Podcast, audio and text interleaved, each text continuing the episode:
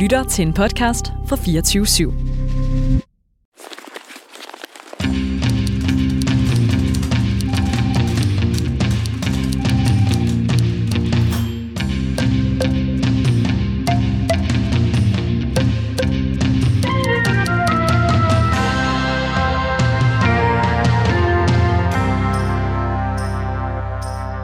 Velkommen til Gamle Aviser, og øh, det er jo et særligt dag i dag, er det ikke sådan?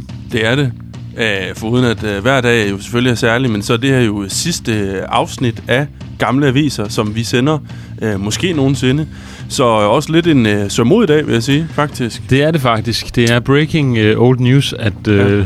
Gamle Aviser stopper, og øh, ja, det bliver så... triste slags, det er altså. det triste slagt, og vi må, vi må simpelthen bare sige tusind tak til de lyttere, der har været derude og fyldt os mm. gennem øh, tygt og tyndt. I Tak dag for øh, har vi ikke desto mindre et fantastisk program til jer. Vi skal blandt andet tale om sundhed. Hvordan øh, går det med din sundhed, Søren? Tak fordi du spørger, Adam. Ja. Det, det synes jeg er et dejligt spørgsmål at få her. Øhm, jamen, det synes jeg...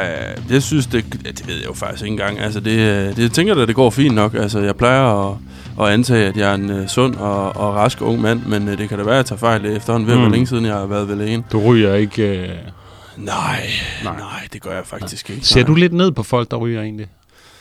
Øh, nej, fordi at... Øh, Eller er nu er jeg jo... Hvad for noget? Eller er overvægtige? Øh, nej, det, nej, det gør jeg ikke. Øh, og øh, jeg sad godt og læste øh, den artikel, vi skal tale om senere, hvor det, som jo netop handler om det her med, at, øh, ja, at, at øh, nogen måske ser ned på, øh, på folk, der, der ryger og er overvægtige. Ikke? Øh, og jeg tænkte, at det er måske ikke så tidsvarende i dag. Altså, jeg, jeg ved ikke, om, om det stadigvæk er en ting. Altså, den er jo øh, selvfølgelig nogle, år- den har nogle år på banen, den artikel. Ja, nu ved, nu ved lytterne jo ikke, hvad vi snakker om, men det handler om, at der ligesom er kommet øh, sådan en, en jagt på, på de, de usunde i samfundet. Altså, øh, hvor man kan sige, øh, ja, rygerne, skal de nu have opereret en ny lunge ind, og hvad ved jeg, øh, skal vi betale for det skatteborger og alt muligt. Mm. Men nu springer jeg alt for meget hurtigt ind i det. Øh, Jeg har fundet en artikel, og øh, artiklens overskrift hedder Den usunde jagt på sundheden. Og øh, det er en artikel fra 2015, og i rubrikken står der super sund, tænk positiv, hold op med at ryge og spise grønt. Hvis du bliver syg, er det din egen skyld, og du er en moralsk fiasko. Vores sundhed er blevet et ego-projekt, og det er ikke sundt. Det er en artikel, der handler om, hvordan vi er blevet nogle egoister, der udelukkende har vores egen personlige succes og sundhed for øje, og glemmer, hvad livet egentlig går ud på. Vi skal tale med Annelise Kær lige om lidt. Hun er direktør i trendbyrået Kær Global, der i 2015 kaldte denne individorienterede tilstand for en me-economic, og talte om, at vi var på vej til en mere fællesskabsorienteret we-economic. Jeg tænker, vi skal spørge hende, om øh, det er blevet realiseret her i 2022. Det skal vi. Og øh, så skal det også handle om, øh, hvordan det går med fuglelivet i Danmark, altså noget, simpelthen noget helt andet. Øh, og det skal vi, fordi at i 2013, der beskrev Berlingske, hvordan den nationale undersøgelse af fuglelivet i Danmark, Atlas 3 hedder den, skulle til at begynde. Øh, og den her undersøgelse, den skulle altså kortlægge fuglelivet i Danmark, og øh, skulle også øh, blandt andet se nærmere på, hvordan øh, klimaforandringerne har påvirket øh, ynglende fugle i Danmark. Og det skal vi altså tale med formanden i Dansk Ornitologisk Forening, Egon Østergaard, om lidt senere. Ja, og nu er det jo sommerferie lige om lidt. Og selvfølgelig skal vi også tale om, hvordan trenden er på rejsefronten. I 2016 hed det en overskrift i politikken, at rejseferien er blevet en del af vores identitet. At vi rejser ud for at have noget at fortælle om, når vi vender tilbage på arbejdspladsen. I 2016 måtte man for alt i verden ikke blive i Danmark. Man skulle helst tage til Japan og gå på opdagelse i den lokale kultur. Men kan vide, hvordan det ser ud i dag. Vi taler med fremtidsforsker øh, Kirsten Poulsen, der er direktør i First Move, som undersøger, hvad trendsetterne gør. Og vi skal selvfølgelig høre, hvilke rejsetrends, der er på vej. Velkommen til.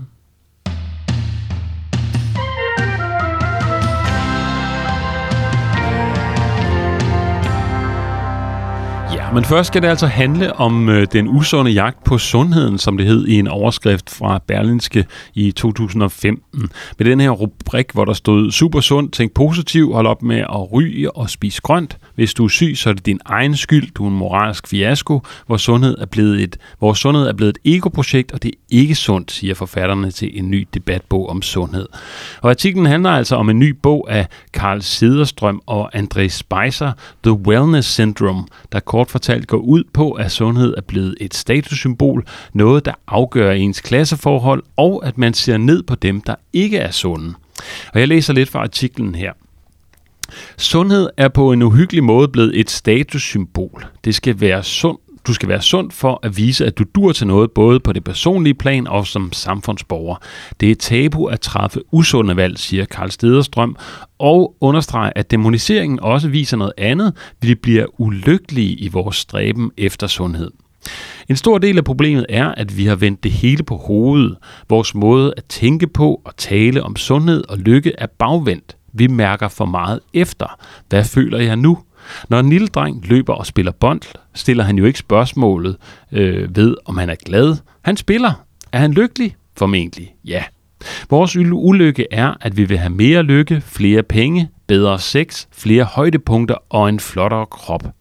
Jeg opfatter det som en hedonistisk depression, hvor man grundlæggende er ulykkelig, men samtidig forsøger på narcissistisk vis at fylde hullerne ud med momentvis lykke, siger Karl Sederstrøm.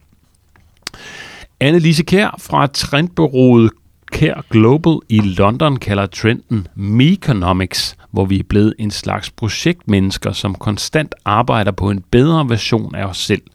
Men det er en usund trend, som ikke skaber glæde. Projektmennesket bliver aldrig tilfreds, fordi han hun lever i en imaginær fremtid med illusionen om det perfekte menneske, som ser yngre ud, er tyndere, gladere, sundere og top-tunet efter er der en sportsevent. I stedet for at skabe noget konstruktivt eller flytte sig selv i en ny retning, risikerer man at være sundhedsslave og leve et begrænset liv, som ikke er sundt for sjælen, kroppen eller på sigt for samfundsøkonomien, fordi konsekvensen er stress eller at vores krop siger stop. Det siger Annelise Kær altså. Og nu kan jeg byde velkommen til Annelise Kær, direktør i trendbureauet Kær Global. Velkommen til. Tusind tak. Og jeg kan, skal lige sige, du sidder i øh, London, eller, eller hvor præcis sidder du, Annelise? Jeg sidder nede i Sydengland, Sydengland. i Cornwall. Cornwall. Øh, virkelig hyggeligt, ikke så langt fra et sted, der hedder Eden Project. Så det er vældig dejligt. Dejligt sommervejr herovre. Super. Dejligt, øh, du vil være med i hvert fald. Vil du ikke prøve at beskrive den her Meconomic, hvad den går ud på? Altså, som, som artiklen siger, så øh, når man kun fokuserer på sig selv, og det, der hedder projektet mig, mig, mig, så sker der det også, at man begynder at søge uden for sig selv, for ligesom at få bekræftet på, at jeg er god nok. Mm. Og det har jo været noget, som man kan sige har, har fyldt meget, og i forhold til hele yogakulturen, og i forhold til, at man jo nok bliver syg, fordi man ikke selv gør en indsats for, at man skal have det godt hele tiden. Men der er jo det, der også hedder balance, og man har det bare ikke altid lige godt. Der kan være mange ting, der spiller ind, og det, der hedder sund, sund fornuft og, og, og balance, er nok noget, vi, vi ligesom må forstå, at det er noget, vi skal finde inde i os selv, og ikke ude for os selv. Fordi, hvad sker der nu, hvis vi gør alle de her ting, og så ikke får bekræftelse? Så får vi det jo skidt. Skal vi så træne mere? Skal vi så have flere apps? Skal vi så være på flere grupper, hvor vi deler? Man kan sige, siden øh, Meconomics, og man taler så, det er det, vi taler om øh, på Trend øh, på, på, på, i mit firma, det er, at vi øh, taler om Weconomics. Together we are better, men det betyder ikke, at man bare er på en gruppe, hvor man igen skal forhærde sig af, at man vinder. Fordi i enhver, hvad skal man sige, konkurrence er der jo altid nogle taber, og hvis vi så overfører det også, og prøver at tænke på, hvis det nu er vores børn, og det er blevet til et, et præstationssamfund, hvor vi bare hele tiden skal præstere og præstere og præstere. Og jeg tænker jo meget, at i forhold til, til pandemien, til corona, der fik vi jo ligesom alle sammen stuearrest, ikke? Øh, mm. øh, hvad hedder det nu? Moder Jord sagde, gå ind på jeres værelser, gå ind i jeres hus og bliv der, indtil I fundet ud af en bedre måde at leve livet på. Det er selvfølgelig en meget grov simplificering, men mange af os fik der i hvert fald tid til at tænke lidt over, hvad der egentlig betyder noget, altså vores værdier.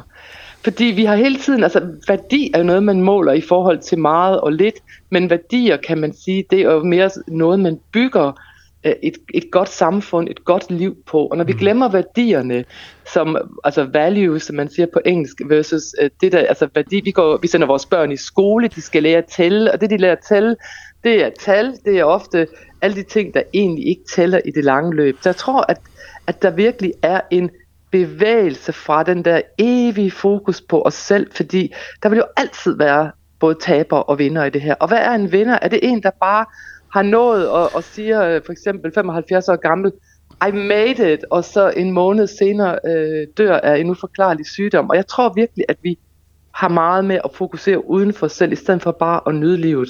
Så altså bare lige for at opsummere, så det du siger, det er sådan, at det der Meconomics, det er sådan en slags øh, individorienteret øh, måde at orientere sig på. Altså man er meget selvoptaget, men søger bekræftelse hele tiden ude blandt, øh, blandt andre mennesker. Og så man er på en eller anden måde er i konkurrence med, ikke? Altså hvem, der, hvem kan løbe den der maraton, hvem kan gøre det og det. Altså sådan, man skal hele tiden præstere for at, at søge bekræftelse derigennem. Ja, altså jeg tænker, vi er på vej ind i det, der hedder Economics, men vi har ikke noget sådan den ægte Economics, som vi vil udtrykke det. Øh, min kollega og jeg, Louise Lykke, har, har talt en del om det. For vi står stadigvæk i centrum i samfundet, og, og hvad kan man sige, vi, vi lægger stadigvæk utrolig meget vægt på personlige præsentationer og målbar succes. Hvis vi skal på universitetet, eller vi skal optages i en gruppe, så handler det altid om, kan vi nu måle, hvor god du er i forhold, og, og om du kan være god nok til vores fællesskab. Så det er sådan set en, en, ligesom en, en polaritet, hvor der ligesom er, er, er togtrækning mellem den idé om fællesskab og in, individet. Men jeg tænker, der er me-time og der er we-time.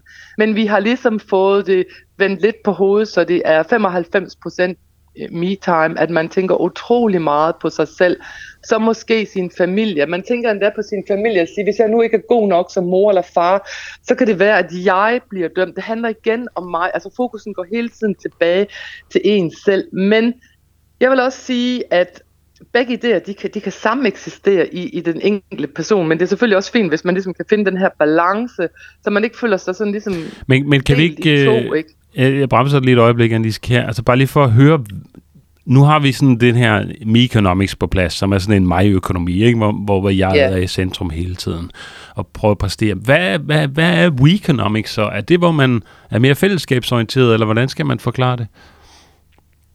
Ja, altså overordnet ser vi, at vi, vi ligesom går mod sådan et globalt paradigmeskift, og, og det handler jo om vores fælles globale udfordringer. Klimakrisen har vi nu endelig øh, fået, fået, fået bekræftelse for, at det er mennesker, der har skabt den. Så står vi ligesom sammen om måske at gøre noget for klimaet.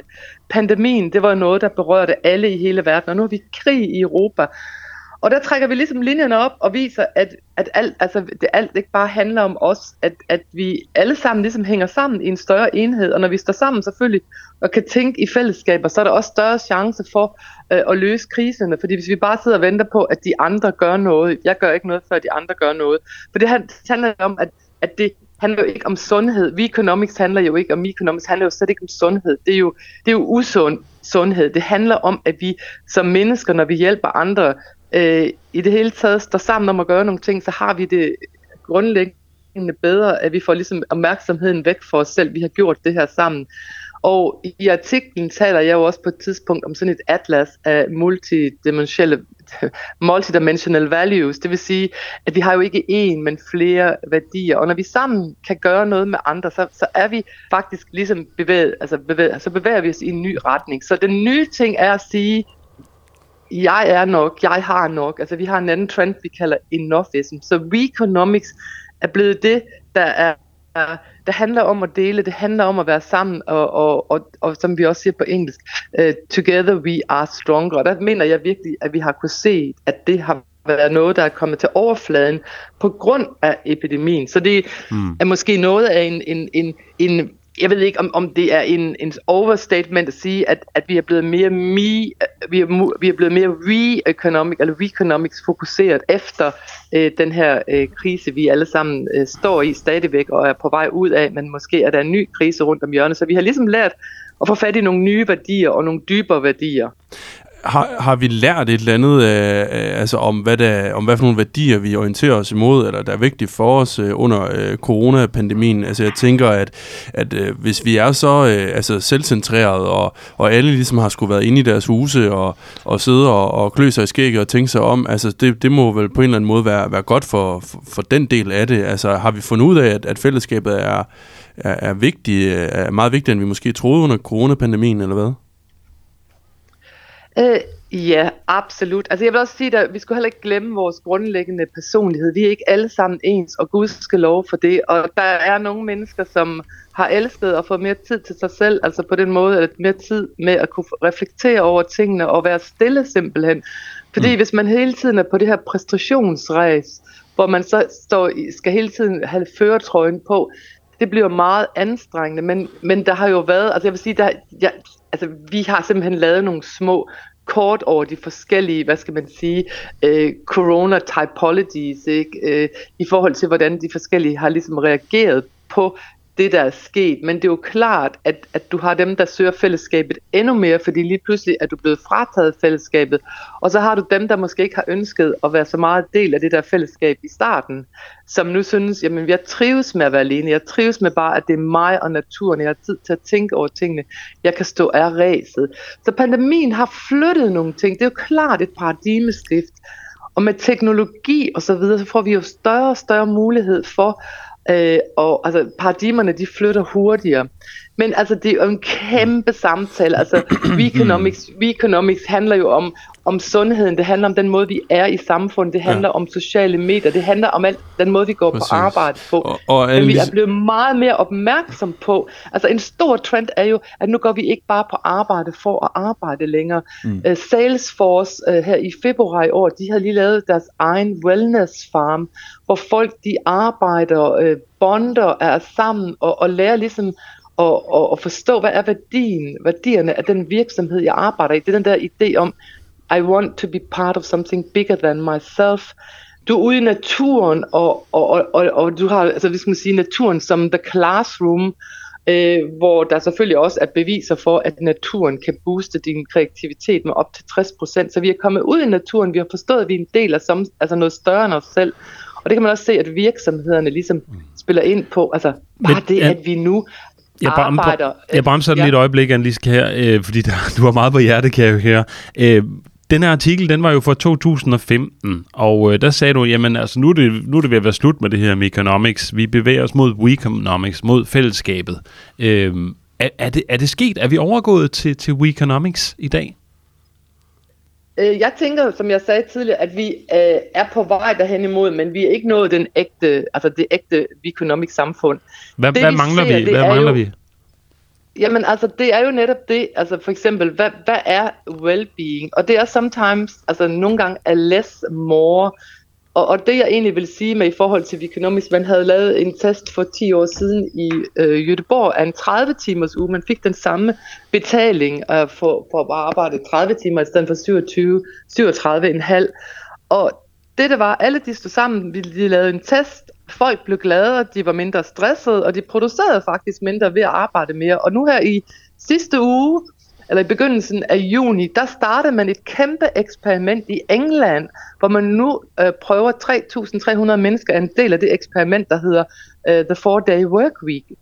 Og i Island har 85% af befolkningen mulighed for at kunne arbejde fire dage om ugen. Det vil sige, at du har en helt anden adgang til dit arbejde. Du har fire dage, du arbejder, og så har du tre dage til ligesom at være en del af economics. Du har en del, du kan, du kan, de penge, du tjener, putter du ind i økonomien. Det bliver ligesom en anden bevidsthed. Så jeg tænker, har flyttet sig.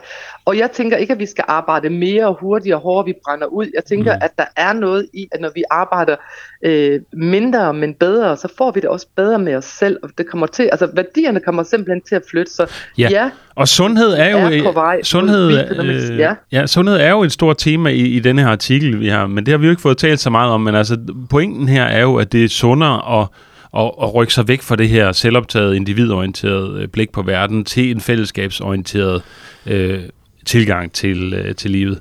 Øhm, ja, men, men hvordan men ser vi på... Ja, hvad vil du sige? sundhed er mange ting. Det er sundheden af planeten, det er sundheden af vores, øh, øh, af vores øh, hvad hedder det nu, af vores samfund. Det, det, det er sundheden af mennesker, fordi når vi ligesom har nogle sunde idealer, nogle, noget, noget balance, så er der jo en sundhed, der filtrerer igennem. Sundhed handler jo ikke kun om sund mad. Du kan jo, være, du kan jo spise nok så meget sund mad, dyrke nok så meget sport, og så er du syg, fordi din mental hygiejne simpelthen ikke er der, fordi du mm. har så mange tanker, du får tvangstanker. Du bruger meditation som et konkurrencemiddel. Det er der, det bliver, der bliver sundhed uh, Jeg får helt stress bare at høre på det der. Det, ja, ja uh. Jeg bliver helt stærkere ja. nu. Bliver vi mere sunde i fremtiden? Altså kommer vi til at holde op med at jage hinanden i forhold til, om vi er sunde eller ej? Altså, det jeg arbejder med, det er jo ikke prediction og forudsigelse. Okay. Det jeg tænker, det er, at vi ser selvfølgelig jo sundere, jo usundere vi bliver rundt omkring verden, i verden. Altså, vi spiser for at bedøve os, vi mikrodoserer, altså der er så mange, vi har biohacking, vi har altså et helt så vi har et helt univers af, hvordan kan vi optimere os selv optimeret. Og der vil jeg sige, vi finder, ligesom vi har fundet en trend, der bare hedder enoughism. Enough is enough. Mm. Jeg er nok, jeg har nok, jeg har gjort nok. Og så man ligesom kan hvile i sig selv, og også bare, kan man sige, nyde livet. Ikke? Altså, det er jo nok ikke nogen, nogen øh, hvad skal man sige, øhm, det er nok ikke nogen tilfældighed, at firmaet Nike gav alle deres medarbejdere en uges betalt ferie for at de-stresse. Fordi stress gør dig syg, så kan du mm. træne nok så meget sport. Du får stressfedt på din mave, og det er der jo bevis for. Men Anne, det, der har Annelise, godt, den her Annelise Kjær, jeg bliver, er, at jeg bliver nødt til at stoppe dig her, desværre. Ja. Vi, vi er simpelthen løbet tør for, for, for, for tid, selvom jeg kan høre, at du har meget på, på hjertet. Det kunne fortsætte lang tid. Men vi kan i hvert fald konkludere, at øh, vi ikke nåede mål med det her Weekonomics. Folk er stadig øh, selvoptaget og stresset og usunde og alt muligt.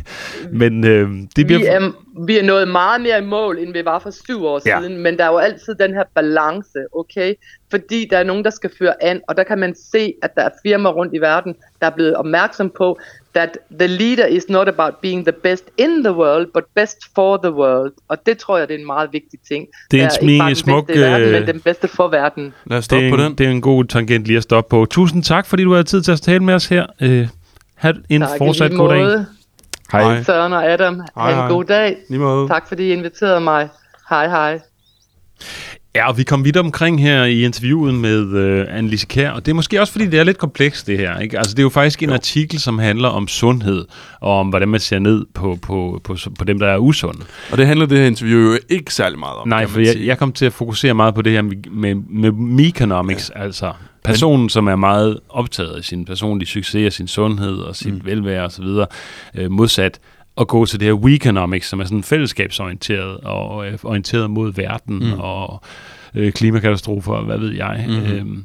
Men jeg tror, det der er vigtigt at sige, det er, altså, som Annelise Kjær her også fik nævnt, øh, det var, at, øh, at, at det kan godt sameksistere det her, altså øh, we øh, economics og, og me economics, ikke? Det kan godt sameksistere. Man kan godt både være fællesskabsorienteret og så orienteret mod sig selv. Selvfølgelig. Øh, og det tror jeg også var altså, pointen, øh, fordi at, øh, ja, det, det, men det blev lidt øh, en lille smule flyv, så... Øh, men i ja. hvert fald vi kunne konkludere, at vi ikke nåede frem til, til det her Weekonomics, det fællesskabsorienterede. Det var på vej, så vi har stadig øh, gode tider i vente, må man sige. Men, øh, vi venter i spænding. Vi venter i spænding. Yes, øh, Adam, jeg sidder her med en artikel fra Berlingske fra 3. maj 2012, og nu skal det simpelthen handle om noget helt andet. Øh, nu skal det handle om øh, fugle i Danmark.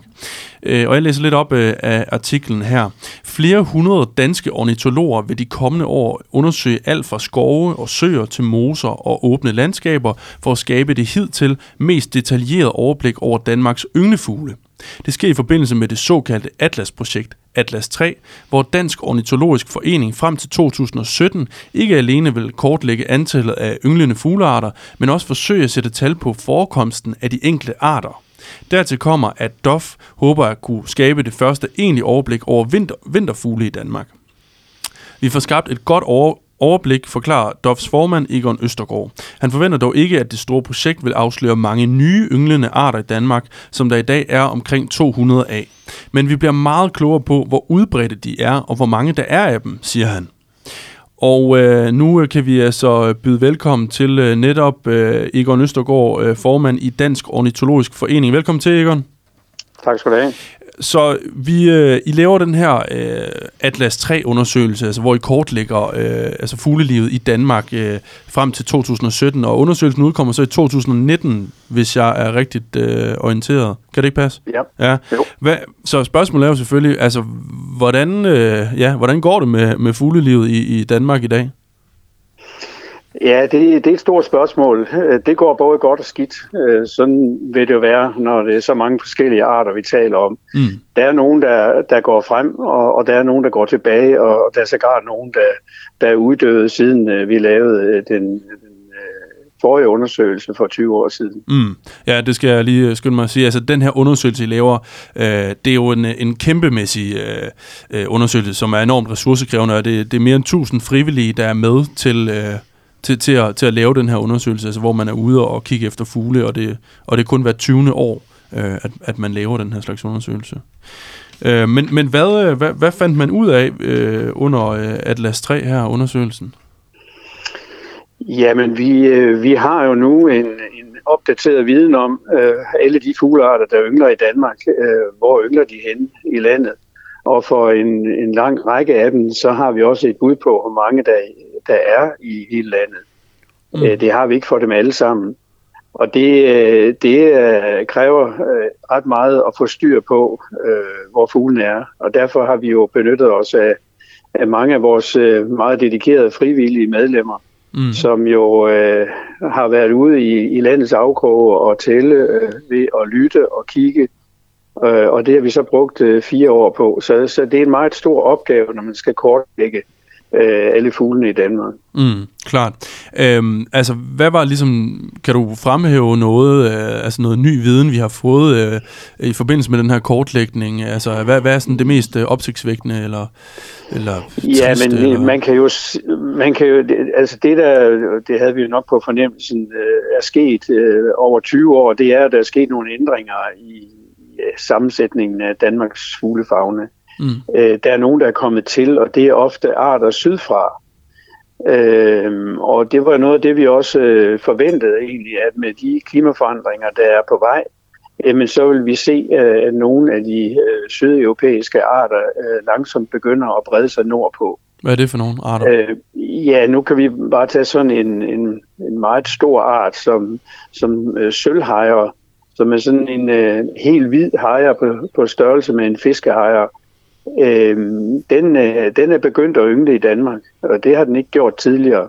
Okay. Så det er bare et eksempel på, øh, på en fugleart, der kommer sydfra. Og der er flere andre. Der er en lille, en lille meget smuk øh, spurefugl, der hedder en blåhals, ja. øh, som, som også øh, nu efterhånden er blevet ret talrig i den sydlige del af Danmark, og også længere opad i, i Jylland, og også længere østpå. Øhm, og det er også et eksempel på en art, der, der spreder sig. Og er det fordi, øhm, på grund af klimaforandringerne er blevet varmere heroppe? Ja, eller hvad? Det, ja, det må vi nok øh, forvente, at det, det er det, der er sket for de arter, og det vil så sikkert også ske i de kommende år, at, øh, vi ser vi ser nogle arter, der, der slår sig ned i Danmark, som, som øh, vi ikke har været vant til at skulle være her. Mm. Og tilsvarende er der en, en række af øh, arter, som som går tilbage. Øh, det er for eksempel nogle af de ingfugle, dem, øh, dem ser vi færre og færre af. Der er en, der hedder en stor korsnæppe, der er en, der hedder en brushane. Øh, de, øh, de forsvinder fra Danmark, og det kan også være øh, ændrede klimaforhold, der gør, at de, øh, de opgiver de sydlige bestande. Øh, det vil så sige her i Danmark, og så skal man altså længere nordpå i Skandinavien for at, at se øh, store bestande af dem. Så de er så, simpelthen øh, rykket længere nordpå? Nogle af ja, de her det er de. Ja. Det er de. Okay. øh, noget af det, vi også kunne dokumentere, det er jo, at, øh, at de fugle, der er tilknyttet det åbne land, altså landbrugslandet, som jo fylder over 60 procent af vores landskab, øh, de fuglearter, det kan være øh, viben, det kan være stæren, det kan være sanglærken, de har det rigtig skidt øh, i vores øh, moderne landbrug, hvor der ikke levnes ret meget plads og, og slet ikke føde til dem derude. Så det er jo også meget markant. Har de fået det værre? Øh, altså sådan, øh, siden, ja, øh, det har de. Øh, altså i de 20 år, der er gået siden sidst, og vi har også lavet en for 40 år siden sådan en undersøgelse her, jamen der har, øh, der har landskabet i det åbne land, altså landbrugslandet, det har, øh, har ændret sig markant. Det er mm. blevet meget mere intensivt, og det vil sige, at der ikke er fugls føde mm. øh, mange steder derude i, i landbrugslandet. Og det betyder altså, at sådan en fugl som stæren, som de fleste kender, jamen den er altså gået dramatisk tilbage. Ja, okay. øh, sanglærken lige sådan. Øhm, kan du prøve sådan at fortælle lidt om, hvordan det foregår, når man, øh, når man laver den her slags undersøgelse her? Altså, hvordan gør I øh, helt lavpraktisk? Ja, ja altså det er, jo, det er jo for mange øh, en, en umulig opgave. Man kan da ikke tælle alle Danmarks fugle, og det kan man selvfølgelig heller ikke. Øh, derfor bliver man nødt til at, at dele Danmark ind i små bidder. Mm. Og øh, det har vi så gjort ved at inddele Danmark i godt 2.000 kvadrater. Der er 5 gange 5 kilometer på hver led. Og øh, så har øh, vores øh, medlemmer så øh, ønsket, jamen jeg vil gerne have det kvadrat her, hvor jeg bor. Og så har man haft fire år til at øh, gå rundt i hjørnerne øh, i det her område, man nu har, og øh, lytte og kigge og registrere, om man nu kunne finde nogen, der var der ynglede sikkert. Det kunne være, at man fandt en rede med æg eller unger. Mm. Eller var der nogen, der sang, som jo er tegn på, at, øh, at de måske yngler, eller havde man bare set nogen midt i yngletiden, som man så registrerede som mulige ynglende. Mm. Så, så man havde fire år til at lave så, så udførlig en liste over, hvilke arter der nu ynglede i, i det kvadrat, man nu havde fået. Mm-hmm. Og øh, det er sådan, det er foregået. Og så øh, ud over det, har der så også været i en undersøgelse, hvor man i hvert kvadrat skulle gå en kilometer på en time. Det er meget langsomt. Og så skulle man registrere, hvad man så og hørte ud til et par hundrede meter fra den her linje, man nu gik. Mm. Men, men ikke en standardiseret øh, måde men ikke at, at finde ud af, hvad, hvad er der af fugle i, i sådan et område. Men ikke, jeg tænker, ja, man hører så meget om, at insektlivet er totalt øh, gået tilbage. Der er ikke særlig mange insekter længere, og det tænker jeg, det må jo være noget af det, fuglene spiser. Altså, hvordan ser det ud sådan rent klimamæssigt med fuglebestanden? Skal vi være bekymrede, eller går det fint? Ja, vi skal absolut være bekymrede for, for fuglene i, i landbrugslandet. Og vi skal også være bekymrede for, for de andre undersøgelser, som, som påviser, at øh, insektmængden øh, er faldet dramatisk.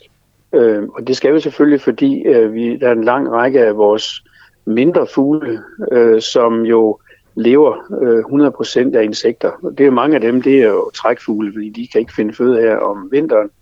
Så det er sådan nogle, vi kalder dem Afrikatrækkere. Det er dem, der trækker til Afrika og, øh, og det er klart, hvis ikke der er mad til dem, så, så har de et, et problem, mm. når de er her i Danmark.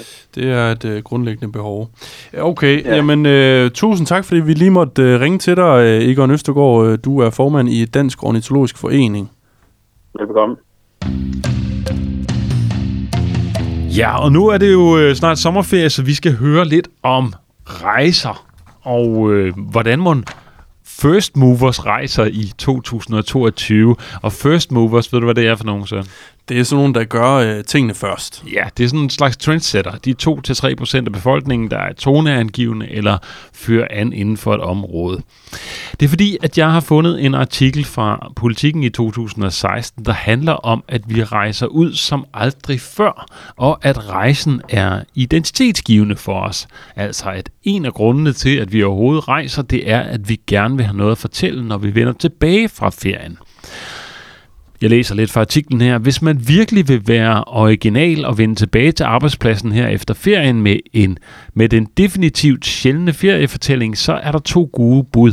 Enten skal man sige, jeg blev hjemme, som i, ikke som i, jeg blev øh, i Danmark, men som i, jeg blev hjemme i min lejlighed eller i mit hus alle tre uger, uden at tage nogen steder hen. Og det skal siges uden et men og fordi og uden forbehold og forklaringer. Det vil stikke ud, fordi her i den senmoderne samfund rejser vi som aldrig før, siger forskere inden for ferieadfærd og turisme. Men nye mønstre er på vej. Kirsten Poulsen, som er fremtidsforsker og direktør i First Move, som spotter samfundstendenser, har registreret, hvordan de såkaldte First Movers holder ferie. First Moverne er de 2-3 toneangivende procent af befolkningen, der rykker hurtigst på nye tendenser. De, der pludselig begynder at rejse til Tyskland, og få år efter ser vi så, at 70 procent af den danske befolkning valgfartede samme vej, som Kirsten Poulsen fortæller – og first moverne tager ikke rigtig på aktiv ferie længere. De har fået et mere afslappet forhold til sport. Kommer de forbi en hoppeborg i Japan, tager de stadig et par svedige timer, men den ekstreme bølge er på vej ud til fordel for en samfundsbevidst og ansvarlig trend, siger fremtidsforskeren. Og øh, det sagde hun altså i 2016. Og nu kan jeg byde velkommen til hende, Kirsten Østergaard Poulsen. Velkommen til. Tak skal du have. Ja. Så skal jeg jo høre dig, altså øh, er aktiv ferie stadig ikke noget for, for First Movers? Altså, jeg, jeg vil sige nu, det her er jo mange år siden, i, i hvert fald den måde, jeg opererer på, mm-hmm. og mhm. de, de ændrer jo selvfølgelig hele tiden adfærd. Øh, men jeg vil sige, altså hvis du, du, du forstår aktiv ferie med, at, at du skal nå mest muligt, se mest muligt, eller smage mest muligt, eller øh, til New York og løbe maraton, Nej, det, det er de ikke. Altså, det, det jeg tror, jeg tænker om, det mere som sådan en, øh, en aktiv ferie, altså sådan, man er, man er på ski, eller man øh, tager ned og klatrer i bjerge, altså sådan en meget sportslig ferie, ikke? Ja, men, men, men nej, altså det, det, det, det er de ikke til. Altså der har de været for mange år siden, mm-hmm. men det er jo ikke sådan, at, at, at, at de ikke øh, rører sig eller foretager sig noget aktivt, når de er på ferie, men det er ikke det, der er formålet med rejsen. Okay. Øhm, og i artiklen her, der står der jo virkelig, at øh, de rejser meget simpelthen hele tiden. Øh, man tænker jo, at corona må have, have lagt en, en, en ligesom en øh, lagt låg på det på en måde. Øh, men rejser øh, first moverne stadig langt over de her 5-20 gange om året? Nej, altså jeg lige sige, du, du går lidt dårligt igennem lydmæssigt. Nej, de rejser markant mindre. Øh, markant mindre, end de gjorde dengang. Og det skyldes, at Øh, hvad hedder det hele, hvad hedder det, de lever meget, meget bæredygtigt, er meget bæredygtigt bevidste. Øhm, og selvom de ligesom har sagt, at en, en flyrejse også langt væk må være kompromis, så er de meget ops på det og begrænser virkelig deres hvad hedder det, øh, rejser. Øh, men selvfølgelig er så corona kommet til i, i mellemtiden, og det er jo ligesom sat fuldstændig øh, en stopper for det. Men, men de er meget, meget lo- lokalt orienterede, de er meget mikroorienterede, de lever deres liv øh, her nu. De er forløst af, af, af tiden og har tid som aldrig før. De vil stadigvæk gerne, altså jeg, vi snakkede øh, lidt om det i går, de vil stadigvæk gerne rejse. Vi har i de sidste 50-70 år arbejdet for at være globale verdensborgere, rejse ud og netværke og alt muligt andet. Men de er meget, meget selektive, og de er meget bevidste om, at det er færre rejser langt færre rejser. Okay. Rejser de også på en anden måde, øh, eller hvordan, øh, Kirsten Østergaard Poulsen? Altså, tager de tog, eller i stedet for at flyve, eller, eller hvad er trenden der? Ja, jamen, ja, altså det, det er jo altså selvfølgelig cykel og tog, og hvad det er, når det er nærområderne, og er, er det et, et længere væk rejsemål, jamen så er det den der flyrejse, og de ved godt, at det, det er et dilemma, de ved godt, det er en offerbetragtning, mm. men de lever virkelig spartansk, øh, de lever virkelig på, på opbrug og minimering og alt muligt i dagligdagen, og de siger, jamen det, det, det, det må så være kompromis. Så de har dårlig samvittighed, de også... mens de sidder i flyet? Jamen, du kan kalde det dårlig samvittighed, men, men det, det er i hvert fald et valg, de har truffet bevidst. Men, men du skal så også huske på, at fra i gamle dage at rejse minimum måske 10-20 gange om året, så, så er det måske en gang om året nu. Mm. Eller, eller mindre. Men, men det de også gør meget, og, og, og det igen med, at, at værdierne udvikler sig, og dermed udvikler adfærden sig, jamen så, så rejser de ud og går i et med befolkningen. Ja. Altså de lever stadigvæk meget bæredygtigt og spartansk, når, når, når de rejser ud. Mm. Men der er faktisk, medmindre du har et spørgsmål, så er der lige en point i det, fordi i gamle dage, så var det rent egoisme og materialisme, og det var syvstjernede hoteller, og så kommer den her bølge af socialisering og fællesskab, hvor de render rundt og donerer og hjælper og, og, og, og bidrager og yder og whatever. Mm. Og nu er det sådan tilbage til også, at jamen, jeg er også nogle gange nødt til lige selv at få iltmasken på, øh, hvis jeg skal blive ved med at have kræfter til at redde hele verden. Mm. Så det, de gør meget, det er for eksempel, hvis de til, det kan du så søge, føre, godt kalde aktivt, øh, hvis de for eksempel er, er til at, at, at, at, at rejse ud øh, på, på, på dykkerferie, men så er det med et formål, det har et purpose, så rejser de ud, dykker, men, men samler plast i havene for eksempel. Men er det så ikke sådan lidt... Øh lidt dobbeltmoralsk på en måde, altså at tage flyet til øh, Seychellerne for at samle plastik i havet? Jamen altså, ved du, ved du hvad, øh, øh, øh, øh, du, du må gerne kalde det, til dobbeltmoralsk. Altså first moveren er mennesker som alle mulige andre. Det er jo også dobbeltmoralsk, når, når vi ved, hvor meget kød øh, øh, øh belaster vores klima. Det er jo også dobbeltmoralsk, at alle mulige danskere bare bliver ved med at proppe sig med, med kød, for eksempel. Altså, jeg, jeg synes faktisk, at de her det er jo de, kun dobbeltmoralsk, taget... hvis de ligesom siger, at, øh, at de ikke vil gøre det, eller at de gerne vil gøre noget for klimaet. Hvad siger du? Jeg siger, at det er jo kun dobbeltmoralsk i den, hvis de er, de inden siger, at, at jeg, vil ikke, jeg vil gerne gøre noget for klimaet, og så spiser man kød stadigvæk. Det er dobbeltmoralsk. Men at sige, at man gerne vil gøre noget for klimaet, og så flyve ned for at samle plastik op, det er jo noget andet. Det er jo decideret dobbeltmoralsk. Altså, jeg vil, jeg vil sige, at den er jo kraftig, altså, den er jo kraftig på reduktion. Altså, hvor de førhen gladeligt satte sig i en flyver til enhver lejlighed, Jamen, men, men, men hvis de har, eller et projekt også, eller det er kombineret med arbejde, og skal til Grønland eller et eller andet, så, så tager de en flyver. Øh, så, så, så sejler de ikke med skib hele vejen. Jeg synes bare, at, at, at i den her, det du kalder dobbeltmoralsk, der skal du altså have med i det, hvor meget de egentlig bidrager til ikke at belaste. Og de er bevidste om det, og der, derfor har de jo også reduceret øh, deres rejser markant øh, gennem de senere år. Okay. Nu taler vi meget om de, om de og dem, og altså de her øh, trendsetter og øh, first movers. Men altså, hvem, hvem er de egentlig? For jeg kender ikke nogen, der tager på dykkerferie for at samle plastik op. Det, det, det, det tror jeg simpelthen Jamen, ikke, jeg Jamen, det er meget vigtigt at understrege, at øh, de er hverken høje eller lave, eller rige eller fattige, eller noget som helst. Det er mennesker som alle mulige andre. Men det, der karakteriserer dem, det er, at de har en helt særlig personlighed. Og det er, at øh, det, det er dem, der øh, prøver ting af først. De er ekstremt nysgerrige. De er ikke bange for de risici, der er forbundet med innovation. De har et kæmpe netværk. De orienterer sig meget også uden for, for, for, for grænserne. Og det, det er det der med, at, at jeg synes, det er sådan et godt billede på, at vi har historisk aldrig nogensinde gjort noget på samme tid. Der er nogen, der starter med at få en smartphone, øhm, og der er stadigvæk i mange år nogen, der krampagtigt holder fast i deres gamle drejeskive-telefon. Men over tid, så får øh, stort set hele markedet en, en, en, en, en smartphone. Mm. Øh, vi starter ikke med at købe økologi, som vi ser øh, forbruget af økologi i dag. Det starter vi ikke på samme tid. Det er first moveren, der starter det.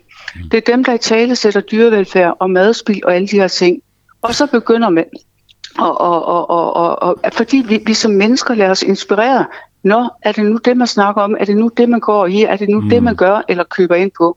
Så, så det, der karakteriserer dem, det har, de har en, en ekstrem åben øh, øh, tilgang til livet og prøver ting af som så, de så, første. Så når du, når du uh, interesserer dig for de her first movers, det er så fordi, du ligesom kan opsnappe nogle trends, der er på vej, og for at uh, du ligesom kan rådgive firmaer om, jamen det kommer til at ske det her sandsynligvis. Altså, first moverne rykker til Berlin og synes, det er enormt spændende at være der på ferie, og, og inden længe, jamen så er det mere eller mindre hele Danmark, der har opdaget Berlin. Uh, er det sådan, det skal forstås? Ja, det er sådan, det skal forstås. Altså hvis nu vi snakker, jeg er meget fokuseret på værdier, fordi det er for værdierne, der både driver og forklarer vores, vores adfærd. Så jeg starter altid med, jeg taler altid værdier med føresmugerne. Og de er fremme i bussen i forhold til os andre cirka 8-10 år på værdiniveau. Og så begynder jeg at gå ned og snakke for eksempel brancher eller kategorier. Det kunne være rejser, eller det kunne være fødevare. Og der er de typisk altså foran i bussen i hvert fald 4-5-6 år, lidt afhængig af branchen. Og, og, og, og det jeg, jeg tager afsæt i anerkendt teori og metode, som jeg både har videreudviklet og bevist gennem de sidste 25 år. Fordi når noget er adfærd hos førsmugerne, så vil det smitte ned gennem markedet, drible ned gennem markedet stille og roligt over tid. Og hvis man som virksomhed arbejder med Jamen, det gør alle jo med både produktudvikling, innovation, men også strategi. Hvad, hvad, hvad skal vi i talesætte om, om et par år? Hvad skal vi leve af? Jamen, så er det jo rigtig godt at kigge på first movers adfærd, for det er der, vi andre bevæger os hen. Øh, Kirsten Østergaard Poulsen, jeg sidder bare lige bliver lidt nysgerrig på, altså når du, øh, når du, altså den måde du arbejder på, altså hvordan fungerer det, når du skal identificere en first mover? Ja, altså det, den banale side af historien, det er, find en first mover, øh, find ud af, hvad vedkommende gør og hvorfor, så ved vi, hvad resten af markedet kommer til at gøre. Mm. Men det komplekse i det her, det er at finde det menneske, for det er som at lede efter en nål i en høstak. Så jeg har udviklet en screeningsguide, kunne hjælpe mig på 200 spørgsmål. Den består af ni screeningslag, og kun cirka 20% 15% af den screeningsguide, den er statisk, og den er linket til nogle personlighedsspørgsmål. Resten er jo blevet skrevet om gennem årene i takt med, at vi ændrer vores adfærd mm. og vores værdier og, og, og holdning til forbrug. Så, så, så, så det er faktisk meget komplekst, men når mm. jeg har haft et menneske gennem den mølle, så ved jeg også, at det er validt det her. Kan du, kan du komme med et par eksempler på nogle spørgsmål fra, fra din screening der? Øh, gå ikke lige her i telefonen, men jeg kan sige, at jeg har nogle lag, altså hvor jeg, hvor jeg først og fremmest så kigger jeg på, altså de, de skal på en måde være, være, være, være anerkendt øh, som forgangsmænd eller smagsdommer. Og uden at røbe hele min screeningsprocedur, det kommer jeg heller ikke til, så kunne jeg for eksempel være, at jeg spurgte dig, hvem i din omgangskreds synes du altid er, er, er først med det nye, eller mm. er hoppet på vegetarbølgen, eller et eller andet? Så kan du sige, at det, det, det, det synes jeg skulle Jens Peter er. Ha, tænker jeg. Så tager jeg fat i Jens Peter, så stiller jeg ham sp- samme spørgsmål. Han peger så på en anden person, og så bliver vi ved, indtil der frem til en person, der siger, at det, det ved jeg sgu ikke rigtigt, det, det tænker jeg da ikke sådan, nogen gør. Så tænker jeg, Nå, så kan det være, at det er dig, der står først i rækken. Mm. Det er mærkeligt, du ikke er nået så... frem til mig endnu, øh, Kirsten. Det synes jeg. Men, Hvad siger du? Jeg synes, det er mærkeligt, du ikke er nået frem til mig endnu, men øh, det kommer jo nok en af dagene. Det jeg tror, det kommer, men, du, men ved du hvad, du er velkommen til at komme ind og komme gennem screeningen, hvis okay. du har lyst. Er der, er der noget øh, gevinst i det for mig?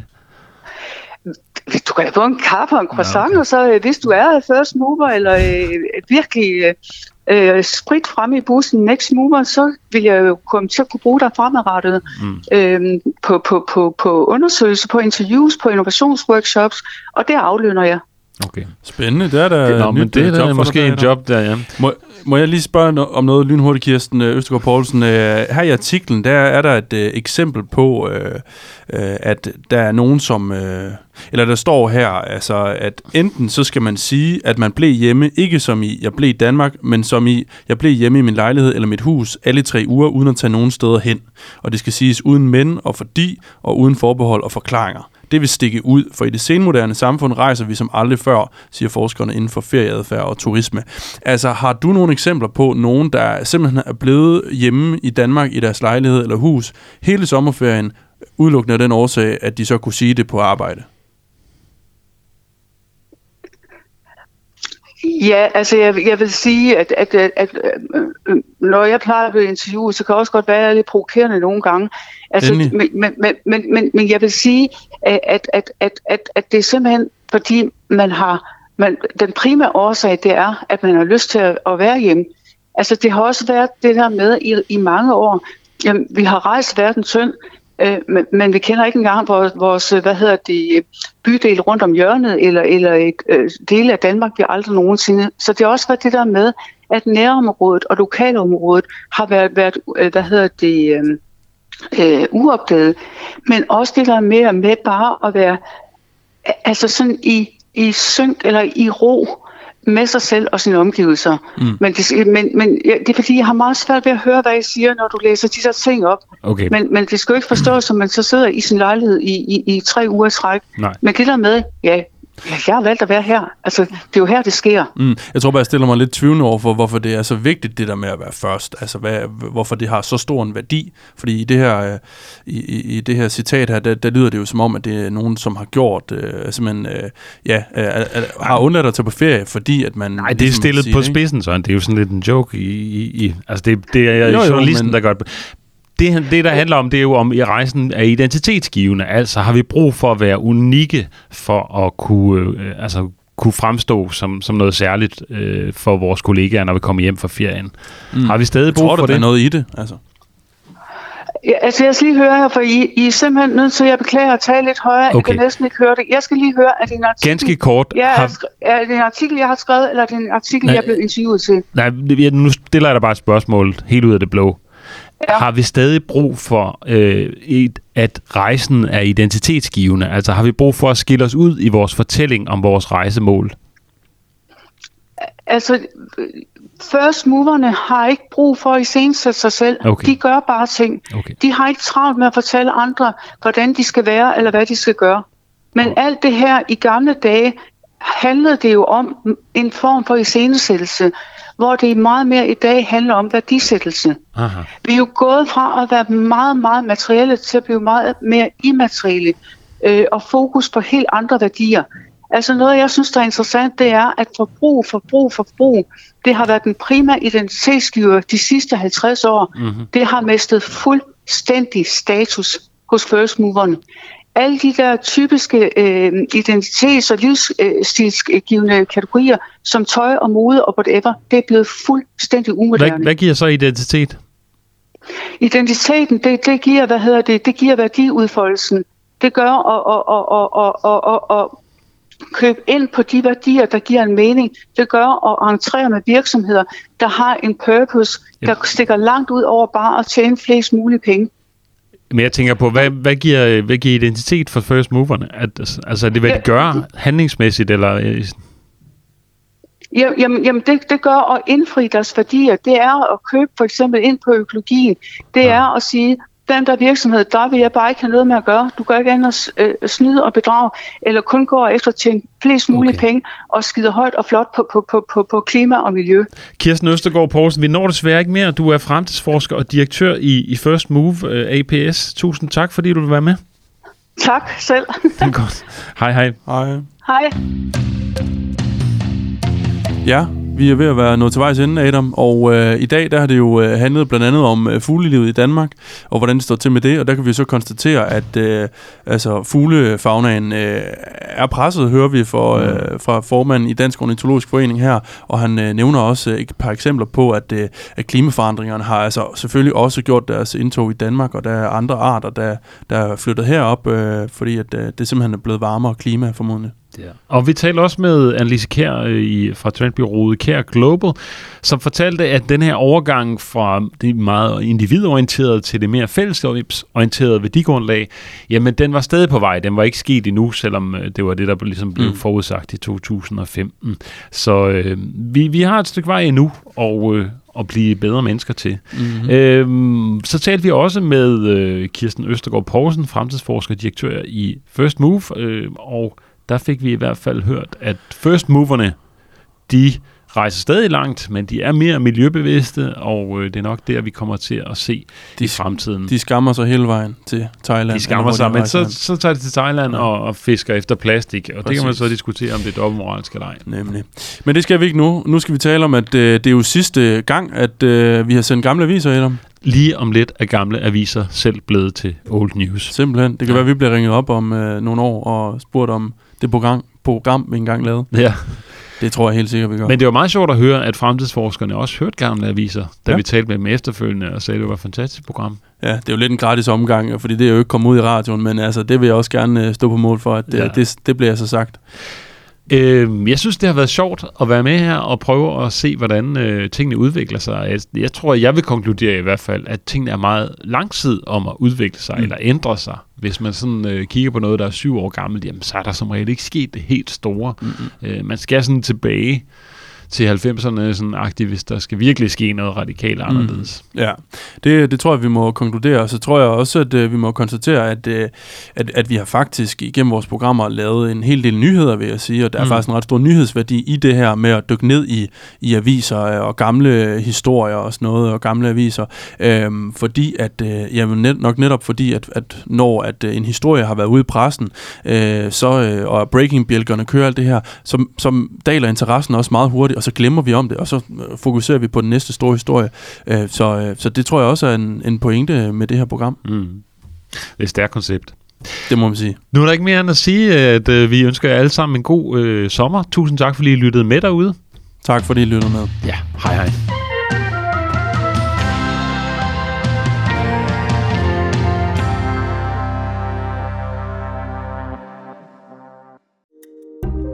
Kære lytter, du har lyttet til et program fra 24 /7. Du kan finde meget mere modig, nysgerrig og magtkritisk taleradio på 24 7 appen Hent den i App Store og Google Play.